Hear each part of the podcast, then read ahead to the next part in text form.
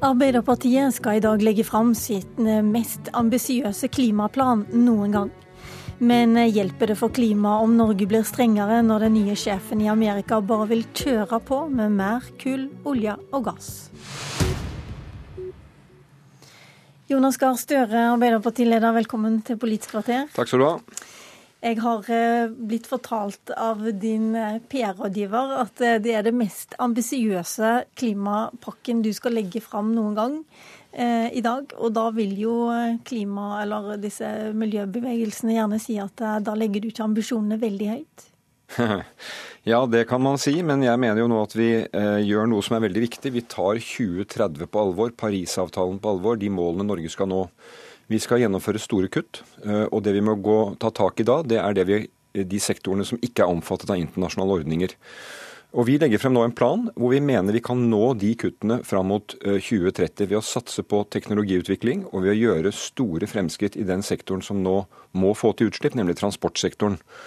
Eh, og Da må vi ta vedtak år for år mot 2030, men i motsetning til regjeringen, som har omtalt noe av dette, bl.a. klimaministeren, så har vi nå lagt fram konkrete tiltak som kan ta oss den veien. Og Det har vært et spennende arbeid, vi har jobbet mye med det, eh, og jeg tror det faktisk også har en god mulighet til å lykkes. Men transportsektoren, sier du, men eh, oss vanlige bilister skal ikke betale så mye mer. Du vil ha 50 øre mer på diesel. Det er omtrent sånn som KrF foreslår, men ikke noe mer enn regjeringen Nei, på altså bensinavgift. Det er fordi at uh, vi tror det egentlig ikke er det aller viktigste. Det aller viktigste er å få til nullutslippsteknologi i veitransporten. Hvis jeg nevner de fire punktene som er overskriftene på denne planen, så er det for det første det nullutslippsteknologi i transporten. Da har Stortinget bestemt at etter 2025 så skal det bare selges biler som ikke går på bensin eller diesel. Så går vi inn for et CO2-fond som kan få ned utslippene fra tungtransporten. Der er det store gevinster å hente, og da må vi tenke nytt og gjøre ting på nye måter. Dette CO2-fondet har virket for andre uh, ting vi vil ha ned. NOx-fondet f.eks., som har vært vellykket. Så går vi punkt to på en stor satsing på biodrivstoff. Det er ingen vei utenom det. Vi har en opptrappingsplan fra 10-20 til 40% innblanding av biodrivstoff innen 2030. Vi satser på grønn skipsfart og karbonfangst og -lagring. De fire til sammen mener vi kan ta oss til 2030, slik at vi når det kuttet vi har lovet. Stoltenberg-regjeringen, som du var en aktiv del av, eh, kutta jo, eh, eller ville jo ikke ha avgiftsfritak på biodrivstoff. Det ble en svær sak og masse bråk. Hvorfor skal vi tro dere nå, når ja, dere sier igjen så, at dette skal vi satse på? Ja, For det første har vi lært mye av det som var da. Da handlet det jo en del om de bilene som kjørte skulle betale for den faktiske belastningen de hadde på veiene. Eh, men det vi gjør her, er å gå inn og se på hva som skal til for å produsere det drivstoffet som har en kvalitet som er sånn at når du fyller det på tanken, eller om du fyller parafinen på tanken din for oppvarming av hus, så er det biodrivstoff i det. Det er jo en stor mulighet for vår skognæring. Slik at Her har vi også et industriutviklingsprogram som gjør det mulig å satse på en næring som har store muligheter, men som også har møtt problemer. Så Vi kobler altså teknologi og forskning, et stort verdiskapingsprogram som kobler forskning og industri, og våre uh, industrimiljøer som er teknologivennlige. Mm. Og så er det sånn at eh, Vi kan ikke snakke om omtrent noen ting eh, i disse dagene uten å nevne Trump. Og nå er det jo sånn at verdens aller mektigste ikke tror noe særlig på at disse klimaendringene er menneskeskapte. Vi skal høre et, eh, et kutt med, fra et intervju han ga til Miami Herald fra nå i august. Well, I'm not a big believer in man made climate change. There could be some impact, but I don't believe it's uh, a devastating impact. Um, but no, I would say that uh, it goes up, it goes down. I think it's very much like this over the years. Uh, certainly, climate has changed, but they, you know, they used to call it global warming. Uh, they've had many different. Uh, they call it extreme weather. They always change the name to encapsulate everything. The problem we have is our businesses are suffering. Our businesses are unable to compete in this country because other countries aren't being forced to do what our businesses are being forced to do. Ja, våre, våre businessforetak de er ikke tvunget til å gjøre det samme som, eh, som, andre, og det er vel kineserne han først og fremst tenker på her.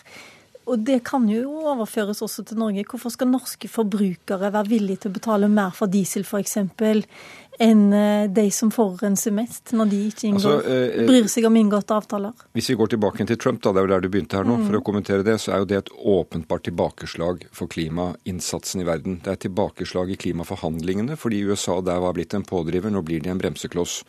Og det er negativt. Men jeg tror at Trumps siste sitat kommer til å slå tilbake på han selv. Hva er bad for business? Hvis USA vil selge biler i Norge etter 2025, så må de levere nullutslippsbiler.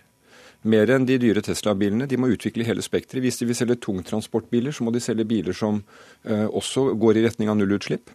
Eh, og det tror jeg er mønsteret. USA er en viktig diplomatisk eh, makt. Det er negativt at det går den veien, men USA er ikke lenger den økonomien som definerer spillereglene overalt. Nå har vi jo sett i Asia at amerikanerne ikke får solgt bilene sine fordi de har for høye utslipp etter asiatiske standarder. Så dette er i grunnen en omveltning som kommer til å møte Trump. Så hvis han vil gjøre sin business i stand til å levere, være konkurransedyktig, så må han følge med på dette sporet. Men jeg hørte en mann fra en gruveby i Virginia på BBC i morges. Eh, og i den byen, eller det området hans hadde 70 000 gruvearbeidere i kullindustrien mista jobben.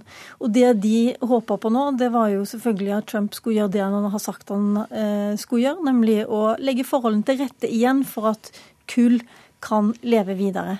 Kull kan leve videre, dessverre, i mange store deler av verden fordi det er billig og tilgjengelig, og det og, blir brukt. Og da går det ganske dårlig med Parisavtalen? Da går det veldig dårlig med Parisavtalen, men jeg tror at Trump kommer til å gjøre en stor feil om han gjør det i USA. For grunnen til at han har det problemet i de distriktene, bl.a. kulldistriktene, er jo at den amerikanske samfunnet ikke har klart å følge opp de menneskene som mistet den jobben. I andre deler av verden så har jo folk gått ut av slike næringer og inn i nye fordi det er en næringspolitikk, det er en velferdspolitikk, det er en tilretteleggelsespolitikk som gjør at du kan gå fra et område til et annet. Du blir med på de teknologiske endringene. Og Dramaet i USA er jo etter min mening at det er ikke handelsavtalene som er den største utfordringen, men det er det teknologiske skiftet. Og det drives jo delvis fram av USA med roboter og automatisering. Så hvis ikke den amerikanske industrien og de amerikanske arbeidstakerne får den kompetansen og opplæringen til å ta den i bruk, så kommer faktisk den trusselen mot de jobbene like mye innenfra som det kommer utenfra. Så der tror jeg han foregner seg når han legger all skyld på Kina og internasjonale handelsavtaler. Men det du kanskje kan kjenne deg igjen i, det er at når miljøet står mot arbeidsplasser, så velger man arbeidsplasser, eller så taper man valg? Jeg mener i, i, i Norge står og faller på at vi klarer den kombinasjonen noen arbeidsplasser må legges ned fordi tidene forandrer seg. Og vi har en fagbevegelse som jo åpner for å bruke ny teknologi, som er for ny teknologi. På spørsmålet om du frykter ny teknologi, så svarer norsk fagbevegelse vi frykter gammel. Men det er jo fordi de vet at det teknologiske skiftet er ledsaget av at de som da må i omstilling, de blir fulgt opp, de får kompetanse og de kan gå videre. Men for noen uker siden så hadde vi besøk av Mette Nord, som er sentralstyremedlem i Arbeiderpartiet. Hun er også leder i LOs største forbund, der debatten raser nå for fullt. Mette Nord, som leder av Fellesforbundet, argumenterte for vern av Lofoten og Vesterålen og en kraftig brems i all oljeaktivitet. Men vi kan ikke ha business as usual hvis vi skal ta Parisavtalen på alvor og nå målene. Det tar omtrent ti år fra du begynner eh, prosessen med eh, et oljefelt til du har en produksjon. Og så har vi andre mål som er satt for både bilproduksjon og annen type eh, transport og fremkomstmidler, om at vi ønsker å ha forurensningsfrie biler. Hvis vi da skal ha eh, ny produksjon i nye felt, i en tid hvor det faktisk ikke er etterspørsel heller, fordi man har gått over til nye energikilder, da, da er det jo noe med å, å se konsekvensene og sammenhengene her.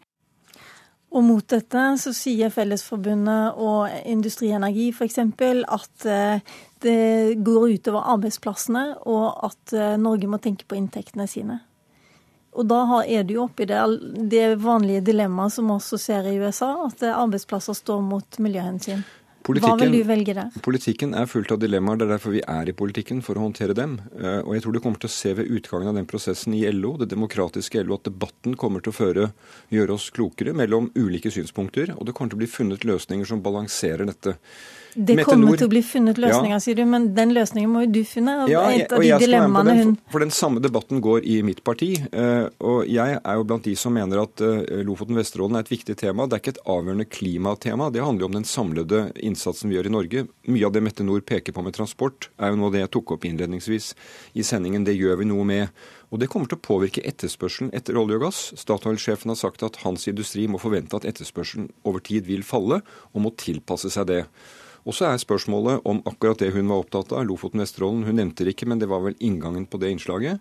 Det er et tema som engasjerer i hele Norge. Vi har et vedtak på det om at vi er for å få en konsekvensutredning for å vite hva som egentlig er forholdene.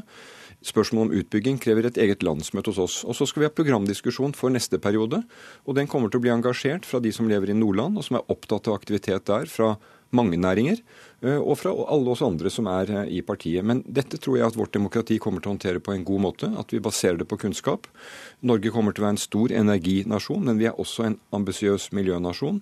Eh, og det kompromisset kommer vi til å finne. Men henger det sammen at du både skal legge til rette for utslippsfrie biler og kjøre på med oljeleting i Lofoten, Vesterålen altså, og vi, andre steder? Norge er en olje- og gassnasjon. Eh, i mange år fremover. Men det kommer til å bli påvirket av den etterspørselen som er. Jeg tror ikke vi bidrar med å skru en av verdens mest, eh, minst utslippsintensive eh, olje- og gassnæringer ned på egen hånd. Men de må tilpasse seg til at, at, det bildet endrer seg. Og så skal Norge bruke en del av det overskuddet vi har, til å fremme nye teknologier, nye metoder. Det vekker jo oppsikt i verden at Norge, som da såkalt har olje, innføre regler at fra 2025 så skal det ikke selges biler som går på olje. Men det er av de vedtakene vi kan ta, og som vi bør ta. Og Samtidig skal vi jobbe med den næringen, olje- og gassnæringen for at de fortsetter å kutte utslipp, og sånn sett kan bidra til et skifte. fordi at norsk gass, jeg er blant de som mener at den faktisk kan gjøre det mer enkelt å ikke velge kull for de landene som tenker på det. Støre, du er jo den tredje partilederen som er her nå og presenterer et alternativt budsjett. Eh, Trine Skei Grande har vært her tidligere. Vi vet jo at de sliter litt på Stortinget nå med å bli enige om et eh, grønnere budsjett. Tror du Trine Skei Grande ville ha kommet lenger i eh, sine ambisjoner med å samarbeide med deg? Ikke bare jeg tror det, men det vet jeg. Men Trine Skei Grande har valgt å se en annen vei. Hun ser ikke min vei, og det er et ærlig valg. Hun har en samarbeidsavtale med denne regjeringen som hun holder fast ved. Det respekterer jeg. Og hun sier for neste periode at hun velger seg Fremskrittspartiet som sin partner. Det får vi ta til etterretning. Jeg, om velgerne hennes, hennes tenker slik, det, det, vet jeg ikke. fordi at de jeg møter, sier at her må det også være muligheter å se samarbeid i andre retninger. Men nå skal de altså bruke dager på å diskutere bensinavgift og dieselavgift. Jeg tror det er ja, det er ikke uviktige temaer, men det er ikke det viktigste i å stake ut veien mot 2030. Og jeg mener det vi har lagt fram i dag, det er et realistisk, ambisiøst og spennende opplegg for å nå klimamål, men også for å gi skikkelig spennende løft for norsk industri. Men har du funnet noen gode ideer fra deres eh, alternative budsjett? Ja, det har jeg egentlig. For jeg syns at eh, det er noe av det som kjennetegner Venstre. At de legger frem spennende ideer og forslag i sine alternative budsjetter. De alternative budsjettene er spennende lesning fra alle partier som ikke er i regjering, fordi de tester nye ideer eh, som, som kan, kan komme til ettertanke. Så her kan vi la oss inspirere av hverandre. Ja, Hva konkret da, f.eks.?